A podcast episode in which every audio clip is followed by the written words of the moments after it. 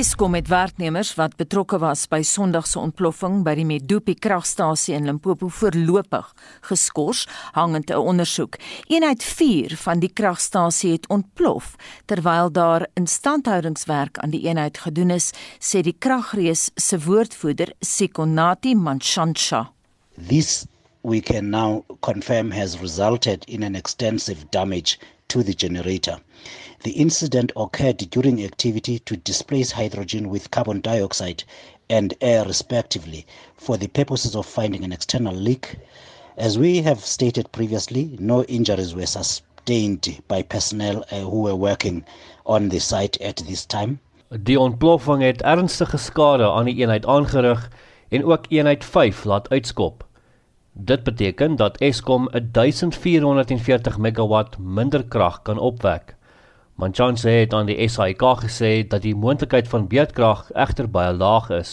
We are now entering the peak maintenance season since we have just gone through the winter, so there will not be a significant impact on the occurrence or risk of load shedding as a result of this one unit. We are able to to, uh, to have even a, reserve margin of about 3,000 megawatts uh, that, that, that is available currently. So we, we are quite comfortable uh, to the, with the risk of load shedding going forward.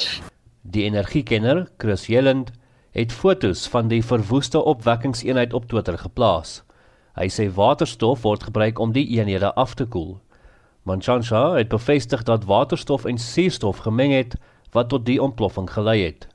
Following a preliminary investigation, it appears that air was introduced into the generator at a point where hydrogen was still present in the generator at sufficient quantities to create an explosion, which ignited and resulted in this explosion.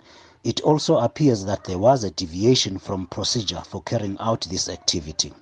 As such, ESCOM has undertaken to place those employees who were responsible to manage and execute this work under precautionary suspension pending the conclusion of the investigation. Investigations are underway into the cause of the incident and ESCOM will update the public on developments as well as to what extent this unfortunate incident will impact on the national grid. ESCOM se woordvoerder Sikonati Manchansha.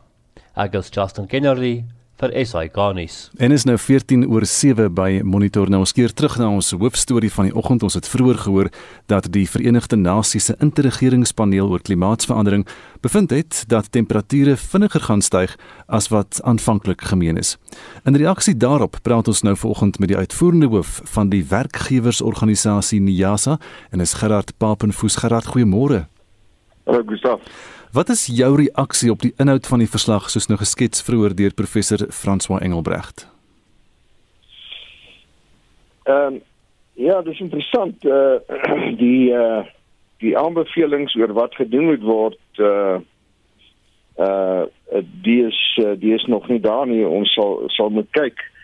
Ehm uh, jy weet op die oomblik is uh is klimaatsverandering uh nie hoog op ons agenda nie en uh, ek praat nie net van uh, ek praat van die man wat uh, werk skep uh wat die ekonomie bedryf.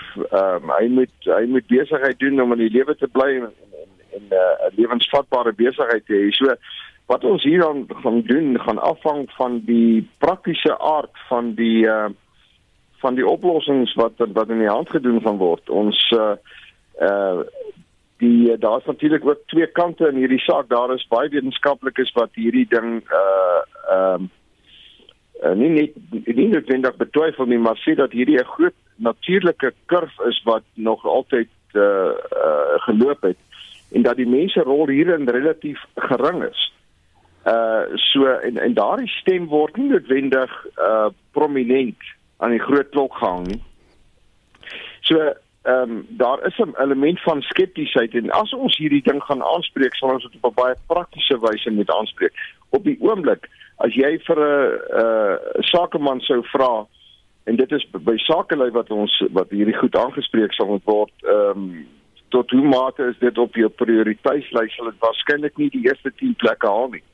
So want ons moet weet besigheid moet kyk hoe hulle aan die aan die lewe bly, hoe hulle kan in 'n 'n ekonomie sinvol ekonomiese aktiwiteite hê Ehm um, en uh so die wat die wat die voorstelle gaan wees gaan uh wat die lande moet doen dis 'n ander saak en dit soos hulle sê inderdaad die dan die FSA en en China speel 'n 45% rol in hierdie ding. Hierdie is nie die kompetering tussen die twee, die kompetisie tussen die twee gaan 'n enorme effek op hierdie ding hê. Watter een gaan meegee en uh en die voorbeeld stel. Maar dit geld ook met besigheid en, en die groen energie wat aan die hand gedoen word is in sekere opsigte geweldig duur.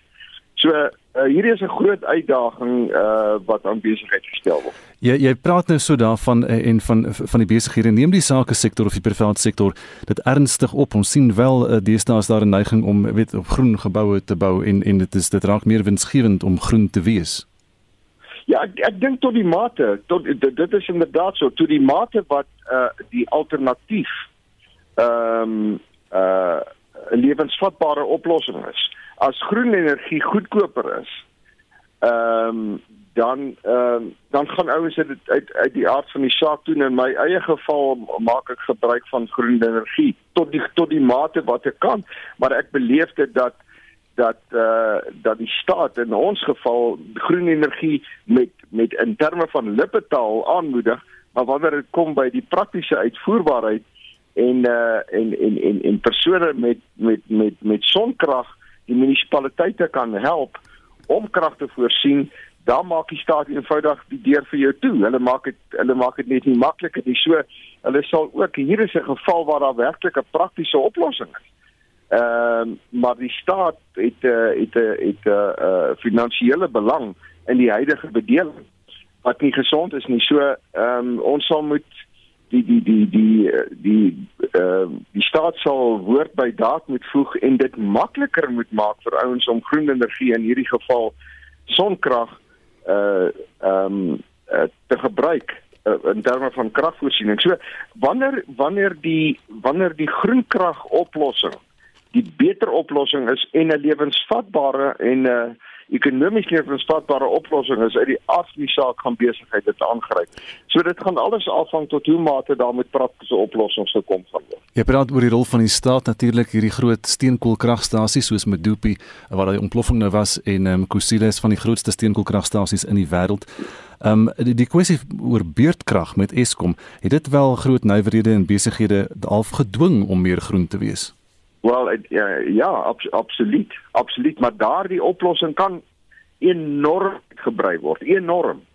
Uh as jy dat daar is in die dit is binne die vermoë van uh van van van private organisasies om die om tot 'n baie groot mate Suid-Afrika se uh, krag probleem aan te spreek deur krag self op te wek groenkrag op te wek en dit in die grid in te voer.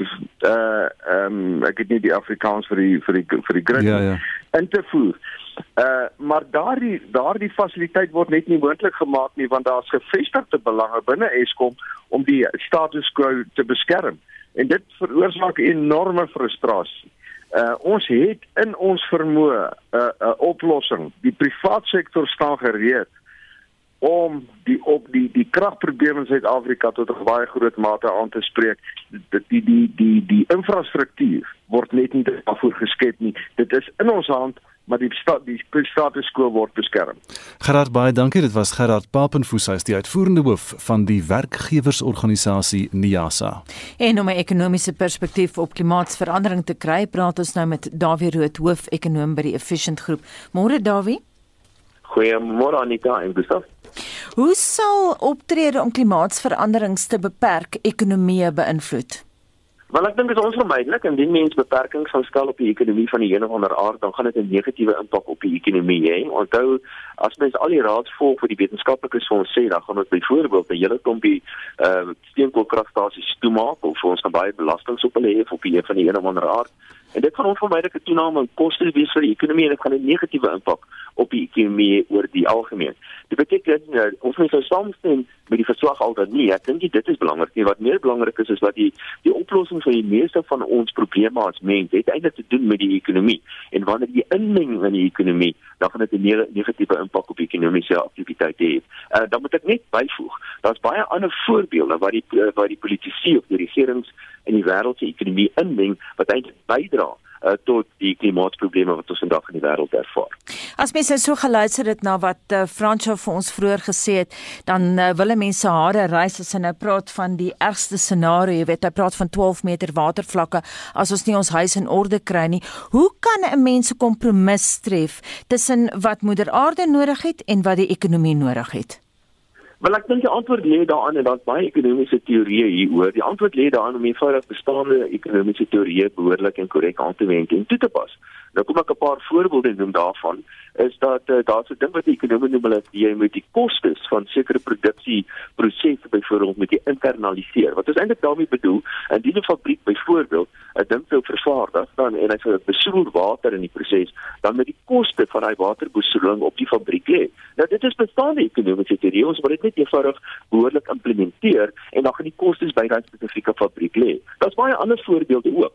Uh, in Suid-Afrika is daar heelwat voorbeelde waar ons eintlik bydra tot ekonomiese of liewer klimaatontwrigting wat eintlik die ekonomie ook ondermyn. 'n Baie goeie voorbeeld in die geval van Suid-Afrika is dat ons het invoerbeperkings op 'n hele klompie produkte of invoerheffings op 'n hele klompie produkte en in die proses maak ons die plaaslike produksie uh, van daardie produkte baie duurder as wat dit internasionaal die geval sou gewees het. Uh, en dit het 'n negatiewe impak op die omgewing, maar dit het ook 'n baie groot en negatiewe impak uh, op Suid-Afrika se ekonomie. 'n Uitstekende voorbeeld wat my betref is die invoerheffings wat ons op elektriese karre het in Suid-Afrika. Ons het 25% betaal voordat jy 'n elektriese kar mag invoer in Suid-Afrika in, byvoorbeeld, uh, terwyl ander karre volgens die klimaatmense uh, gewone binnebrandmasjiene byvoorbeeld baie meer bydra uh, tot lugbesoedeling as in die geval van elektriese karre. Daar's 'n praktiese voorbeeld. Daar's baie ander praktiese voorbeelde. Nog een het te doen met politiek. Uh, Byvoorbeeld daar die wêreld gaan uit hulle pad uit om oneffektiewe en onproduktiewe klein boere te ondersteun want polities klink dit korrek maar dan gebruik daai boere baie oneffektiewe onekonomiese boerderytegnieke wat baie beter gedoen kan word met groter deur groter maatskappye. Byvoorbeeld so die lys gaan aan en die lys gaan aan waar ons eintlik twee vee met een klap kan slaan as ons die regte ekonomiese beleid toepas wat die die klimaat en die omgewing ook kan ondersteun. Jy klink nou as ekonom baie pragmaties. Is jou kollegas ook so as hulle bereid om kompromieë aan te gaan Wel ek dink meeste ekonome is sekerlik bereid om op 'n of ander manier 'n kompromis aan te gaan, maar mense moet ook verstaan dat as ekonome is dit onvermydelik dat jy baie keer op tone moet trap. Een goeie voorbeeld daarvan is dat uh, ek weet die klimaatmense sê dat steenkoolkragstasies is die naaste ding op onder die son, maar die alternatief is voor die hand liggend. As mens sogenaamde base power wil ophef, opwek, dan het jy groot kragstasies nodig vir die een of ander aard of groot hidrostelsels en 'n groot kragstasie wat die tegnologie homself al voorbewys het, is eenvoudig kernkrag kernkrag vir die bewyse is daar. Besoedel baie minder is waarskynlik baie baie goedkoper as die alternatiewe maar weens weens politieke oorwegings of baie keer kom ons nou met politieke korrektheid is dit 'n voorbeeld van 'n tipe van krag eh, wat mense oor die algemeen nie van hou nie want mense is bang om verkeerde redes. Baie ekonome gaan dit wel ondersteun en sê dit is die regte ding om te doen want die koste voordele ontleding is eenvoudig baie positief terwyl ander ekonome sê nee dit is nie 'n goeie idee nie om politieke redes wat hulle miskien kan koester Net kortliks en laastens, hoe sien jy die pad vorentoe, Dawie? Ek dink die ekonomie het uitgekom maar die hoe toe voer of die belangrikste wees. Ek dink die politici gaan maatreëls in plek stel wat ekonomiese aktiwiteite gaan ondermyn nie. Uh, en dit is eintlik die regte benadering. Ons moet die ekonomie werklik waar toelaat om so vinnig en so sterk as moontlik te groei want op die ouend is die antwoord vir al die mense se probleme eintlik rykdom. So ons moet ekonomiese aktiwiteite aanmoedig. Ons moet altyd bedag daarop wees dat enige beperking op ekonomiese aktiwiteite eintlik gaan lei tot 'n stadige toename in rykdomskeping en werkskeping en alles wat daarmee saamgaan en ons moet vir mekaar sê dit is altyd beter om 'n ryker land te wees as 'n armer land. Ekonomiese groei is die antwoord vir die meeste van ons probleme. Baie dankie dit aan die mening van Dawie Roodhuis hoof-ekonoom by die Efficient Groep. En daarvan gepraat, wat sê ons luisteraars Marlenae? Ek dink regtig die stomme mense se gekerm oor aardverwarming is lagwekkend. Dink hulle regtig hulle kan die aarde breek? Ek het gisterand 'n program gekyk oor diere wat uit ys gehaal word. Met ander woorde, dit was nie altyd geëis daaroor nie of eerder daar nie. Alles gaan deur 'n siklus.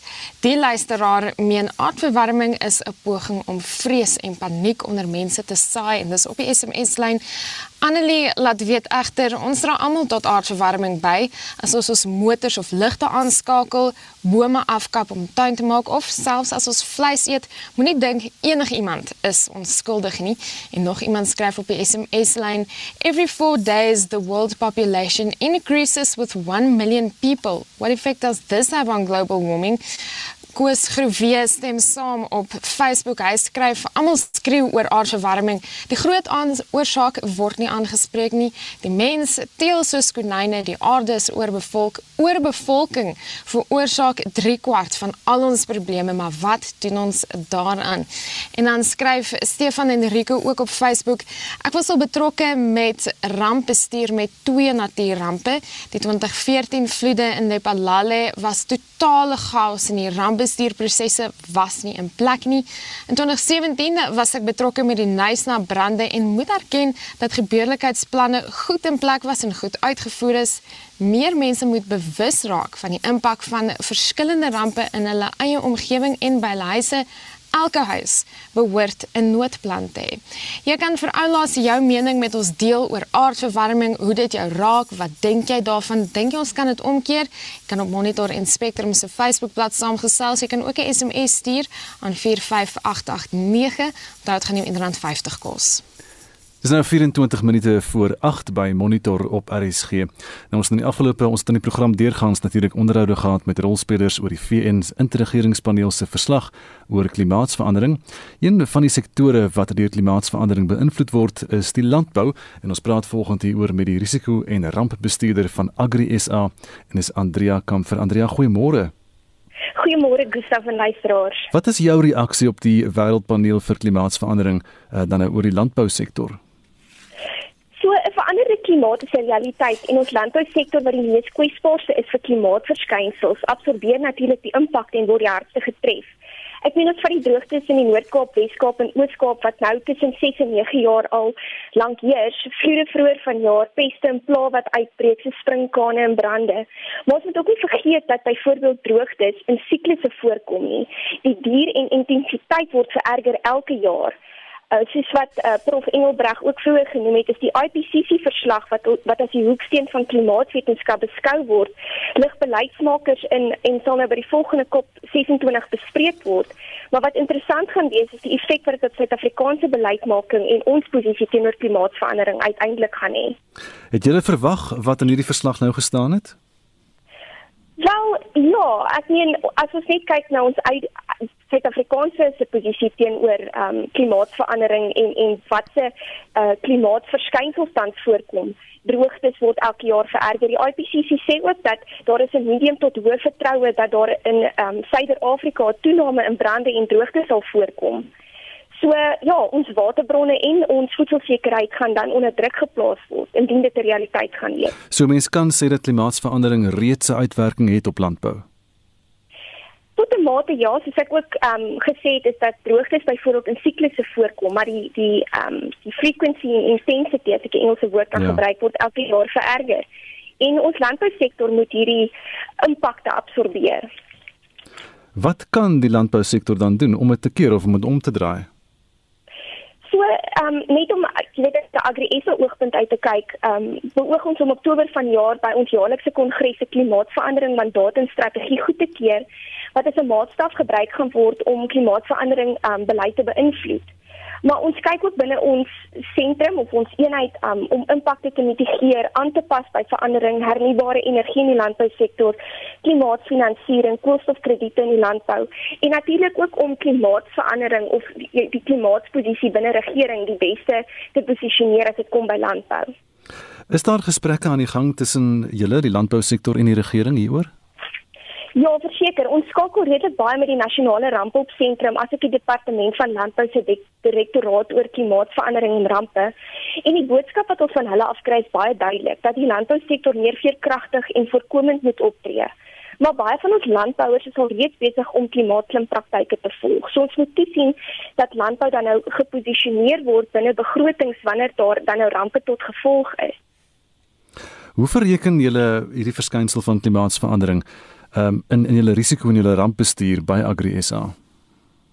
Wel dit is 'n baie dit is 'n groot realiteit. Dit is 'n bekommernis. Dit is een van die grootste risiko's wat die landbousektor in die gesig staar na grondhervorming, um minimum wage as ek nou die Engelse woord kan gebruik.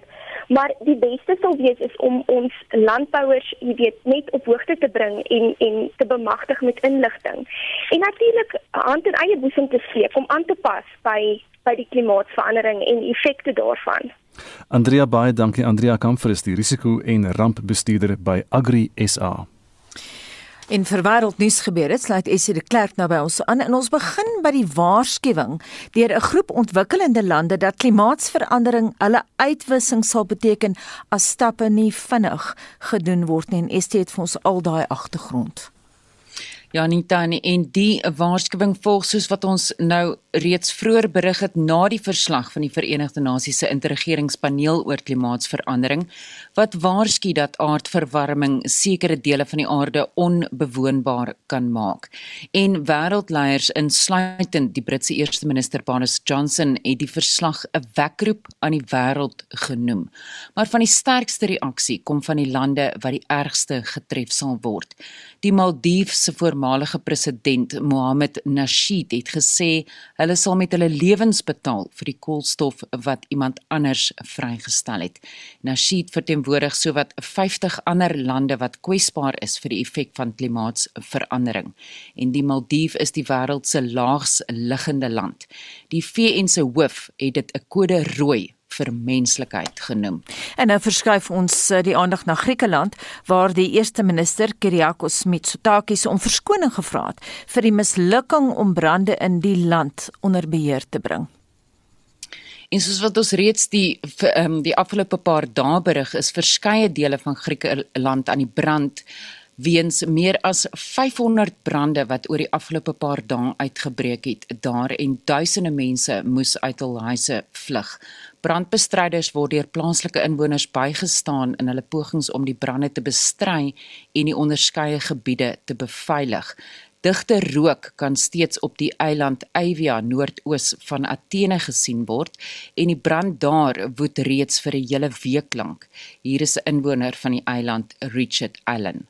Climate change uh, is real and the heat, the heat wave affected this. We didn't see any rain to stop this fire. I used to run in this forest. I used to cycle. We used to go for and collect fruits. Now everything is gone.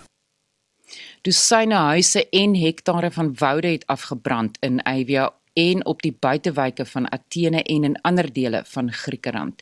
In Athene het protesoptogte begin en protesgangers sê die regering het nie genoeg gedoen om vir so 'n ramp voor te berei nie. Die eerste minister het meer geld beloof om die brande te bestry en om weer die gebiede op te bou wat verwoes is.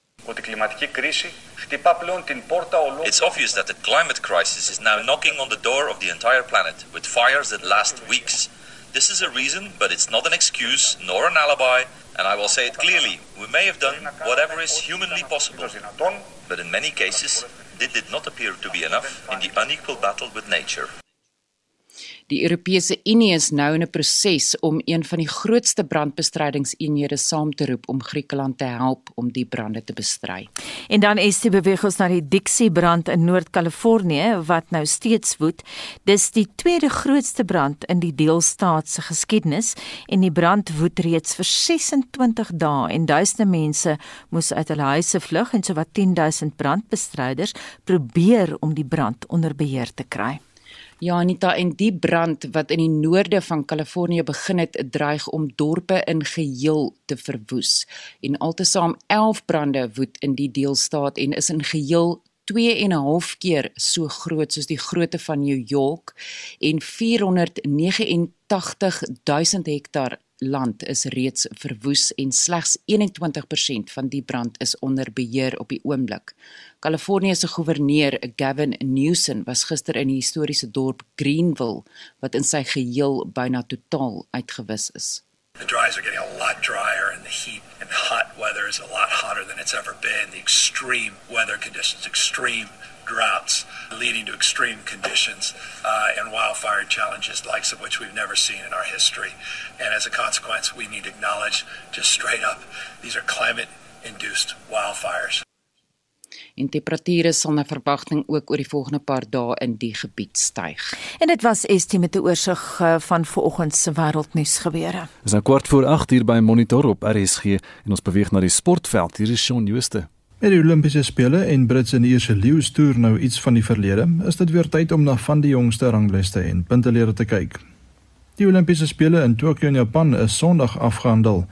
Behalwe dat Jana Skoenmaker se goud en silwer en Bianca Beidenbach se silwer medalje kon ons atlete geen verdere medaljes huis toe bring nie. Suid-Afrika 52ste geëindig. Dit was ook ons slegste vertoning by die spele sedert 2008 toe ons net een silwer medalje kon wen. Die FSA was die algehele wenners en het 113 medaljes verower. Dit het 39 goud, 41 silwer en 33 brons medaljes ingesluit. China was tweede met 38 goud, 32 silwer en 18 brons en die gasheer derde met 27 goud, 14 silwer en 17 brons medaljes. Rugby. Die Britse en Ierse leeustoer in Suid-Afrika is ook voltooi. Die Bokke het koning gekraai in die reeks 2-1 gewen. Na die 22-17 nederlaag in die eerste toets het Suid-Afrika die tweede toets 27-9 en die derde en laaste kragmeting 19-16 gewen. Suid-Afrika bly ook nommer 1 op wêreld rugby se jongste ranglys met die All Blacks tweede en Engeland derde. Ierland is nommer 4 en Frankryk nommer 5. Die Highs die voorlopers op die Curriebeeker punteleer na 8 rondes en staan op 30 punte. Die Bulle is kort op 'n lake op 29 punte met Griquas derde op 26 en die WP vierde op 22 punte. Op die cricketveld het die eerste toets tussen Engeland en Indië onbeslis geëindig. Beide spanne kry 4 punte op die ICC se 2021-23 toetskampioenskappe punteleer. Bangladesh het Australië gister in die 5de en laaste wedstryd van hulle T20 reeks met 60 lopies verneder en die reeks 4-1 ingepalm. Die tuisspan het die Aussies ook vir 62 lopies, hulle laaste T20 telling ooit uitgeboonder. In die 100 toernooi in Engeland staan Birmingham Phoenix en die Trent Rockets op 8 en die Oval Invincibles op 7 punte in die mans afdeling. Die Protea paltjiewagter Quentin de Kock is 11de op die kolflys op 123 lopies vir die Southern Brave en Imran Tahir is 10de onder die bowlers met 7 paltjies na 114 afleweringe vir Phoenix. In die vroue afdeling staan die Southern Brave op 10 en die Oval Invincibles en Trent Rockets ook op 7 punte. Die Protea speler Danai van die Kerk is 3de op die kolflys met 187 lopies vir die Invincibles en is ook 9de onder die bowlers met 6 paaltjies na 85 afleweringe. Tennis, daar is net een verandering onder die wêreld se top 3 manspelers terwyl die vroue onveranderd bly. Die mans is Novak Djokovic van Servië, Daniel Medvedev van Rusland en Stefanos Tsitsipas van Griekeland. Suid-Afrika se Lloyd Harris het 'n nuwe loopbaan hoogtepunt bereik en is nou 49ste met Kevin Anderson 75ste. Die vroue is Ashley Barty van Australië, Naomi Osaka van Japan en Aryna Sabalenka van Belarus. Suid-Afrika se Ryan Klassen het ook sy dubbelspeltitel in Washington verdedig en bly 23ste op die mans dubbelspel ranglys. In die golfwêreld bou die Spanjaard Gon Ram en die twee Amerikaners Dustin Johnson en Collin Morikawa hulle top 3 plekke op die jongste mansranglys. Suid-Afrika se Louis Oosthuizen klim met een plek na 7de, terwyl Garrick Higo en Christian Besaidnout met een plek val. Dit is na 42ste en 45ste onderskeidelik. Die top 3 vroue is Nelly Korda van die FSA en Jin Young-ko en Inbi Park van Suid-Korea. Suid-Afrika se Ashley Buy klim met twee plekke na 78ste. En laastens in motorsportnuus. Die Fransman Fabio Quartararo is gemaklik voor op die MotoGP punteleer en het 172 punte agter sy naam. Sy landsgenoot, Joan Zarco, is tweede op 132 en die Spanjaard Juan Mir derde op 121 punte.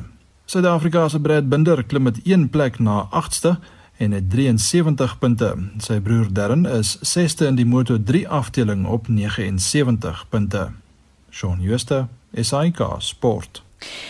Die onlangse onluste in KZN en Gauteng het 'n rassedebat ontketen op die dorp Phoenix. 'n EFF parlementslid het die regering daarvan beskuldig dat hulle nie genoeg aandag geskenk het aan die rasgemotiveerde aanrandings en moorde wat in Phoenix plaasgevind het tydens die onrus nie. Mary De Haas, 'n afgetrede ere akademiese navorser aan die Universiteit van KZN, gee haar mening oor die rasse kwessie op Phoenix. Now, racial factors, of course, are a bit like ethnic factors that you play them because you, it's about whether people are more advantaged or are more economically better off than you are. It, it overlaps with economic issues and kind of resentments that one race or ethnic group is doing better than another sort of thing. That's the broader context. There were incidents in other parts of Durban where sporadic incidents where people seemed to be targeted because they were Africans, racial profiling. Maar daar word gesê dat Phoenix een van die oudste Indiër nedersettings in Suid-Afrika is met arbeiders van suikerrietplantasies wat dekades gelede hier tuis gestaan het. Vandag is Phoenix 'n florerende kleurvolle gemeenskap. Dit laat die vraag ontstaan hoekom die rassespanning in Phoenix ontstaan het. In the 1980s, historically that Ananda area had been settled by black Africans and Indians side by side to the late 19th, early 20th century. That land was earmarked by the apartheid regime for incorporation into KwaZulu.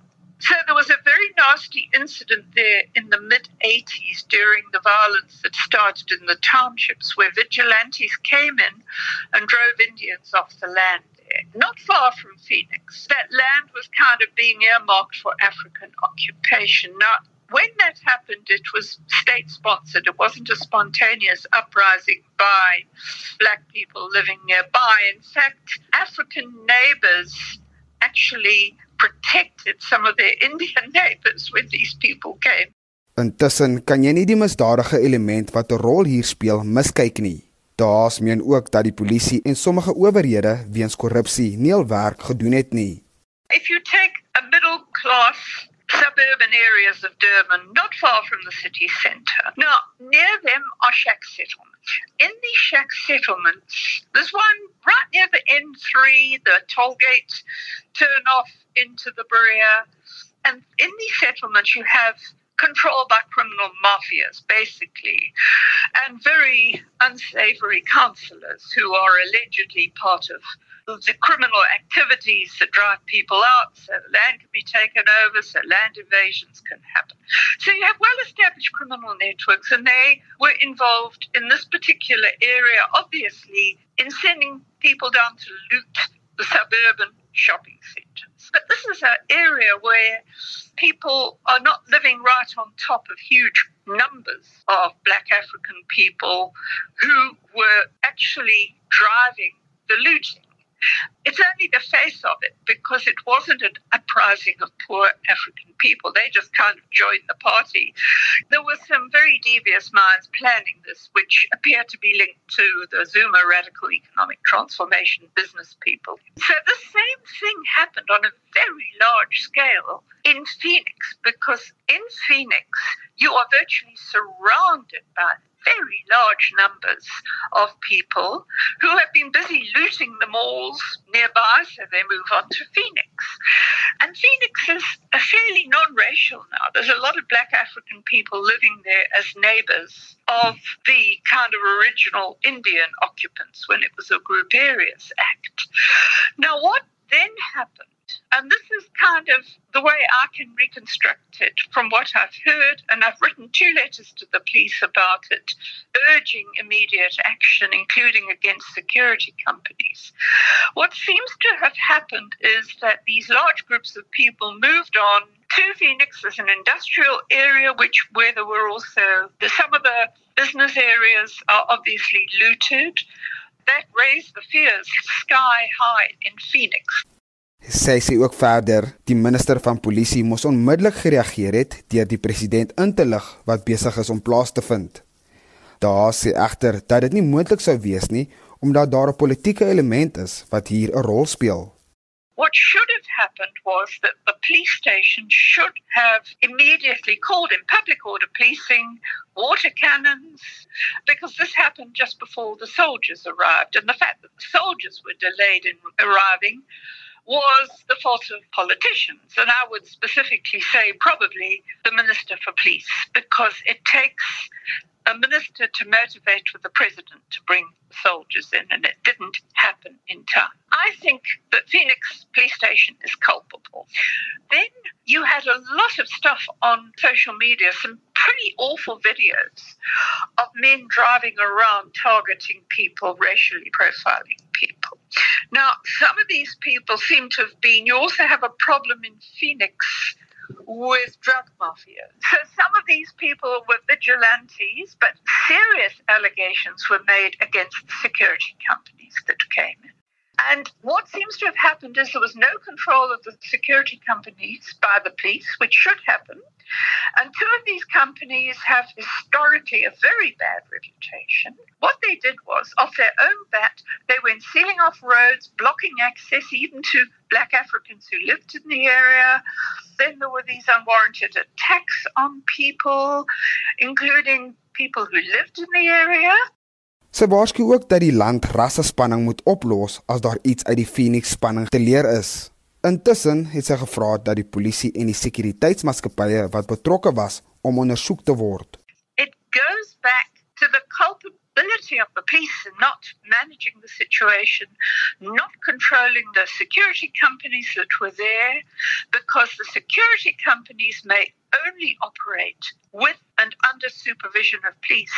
Laastens voel De Haas dat president Cyril Ramaphosa sy verslag van sy ministers ontvang en die verdeeldheid in die ANC maak nie sy werk noodwendig maklik nie. In this province is virtually behind Zuma. I mean, not everybody, but if you look at leadership, it's an uneasy balance. The premier of the province was pointed on a Ramaphosa ticket, but I mean, some of the people in the executive are known to be sympathetic to Zuma. We also have a problem that we don't know. I know that, I mean, my suspicion is based on information I've had from specific stations that there's one heck of a lot of support for Zuma among the police, which could be part of the lack of enthusiasm in some stations.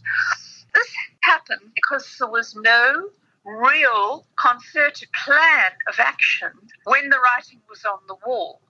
There was, at a national level, there were very good precautions taken at Encounter. There were police from all around the country sent down. And I mean, if Zuma hadn't handed himself in, I hate to think what would have happened there. Mm. But after he handed himself in and the threats carried on, it should have immediately you see, the president sitting up there, he relies on the reports he gets from his ministers, the security cluster minister, ministers. Now, military intelligence wouldn't have had, I suspect there was virtually nothing coming from them. State security and crime intelligence has a problem because they were captured by Zuma. And the problem is that even crime intelligence in this problem, you don't know how many people are sympathetic to Zuma. You don't know if the information is accurate. Dit was Mary De Haas, 'n afgetrede ere akademiese navorser verbonde aan die Universiteit van KwaZulu-Natal. Ek is Vincent Mufokeng vir SAI Garnis. Malinda, die laaste SMS terugvoer. Heel party mense glo dat oorbevolking 'n groot probleem is wat klimaatsverandering betref en daar's ook verskeie mense wat glo die wêreld staan einde se kant toe so met die pandemie en die natuurrampe saam. Daar's ook 'n hele klomp mense wat soos Linda Smith glo klimaatsverandering is net 'n bangmaak storie. Sy skryf op Facebook: "Klimaatsverandering is 'n geldmaak fofie. Koolstofvlakke was 5000 jaar gelede 100 keer meer as vandag. Op die SMS lyn nog 'n gewilde mening die wêreld is oorbevolk ons kla daaroor maar ons is die oorsaak ons landbou word besmet en het 'n groot impak op gesond lewe en dan skryf Elsa Susan van Staden op Facebook dis baie baie hartseer maar een of ander tyd moet die wêreld tot niet gaan.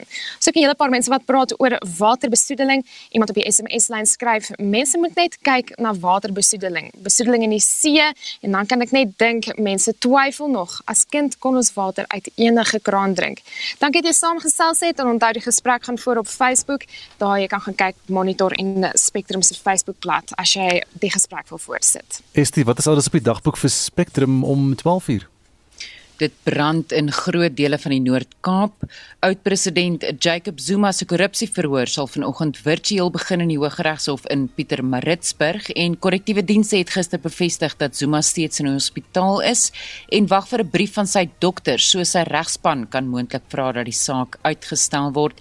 En Johannesburg verkies vandag 'n nuwe burgemeester. Skakel in vir Spectrum tussen 12 en 1. En dit was Monitor met ons uitvoerende regisseur Nicoline de Wee, die man in die warm stoel vanoggend Hendrik Martin, ons produksieregisseur Daitron Godfrey. My naam is Anita Visser. Ons is môreoggend om 6uur terug met Monitor. Ek is Gustaf Greiling en Linda is nou reg met die 8uur nuus.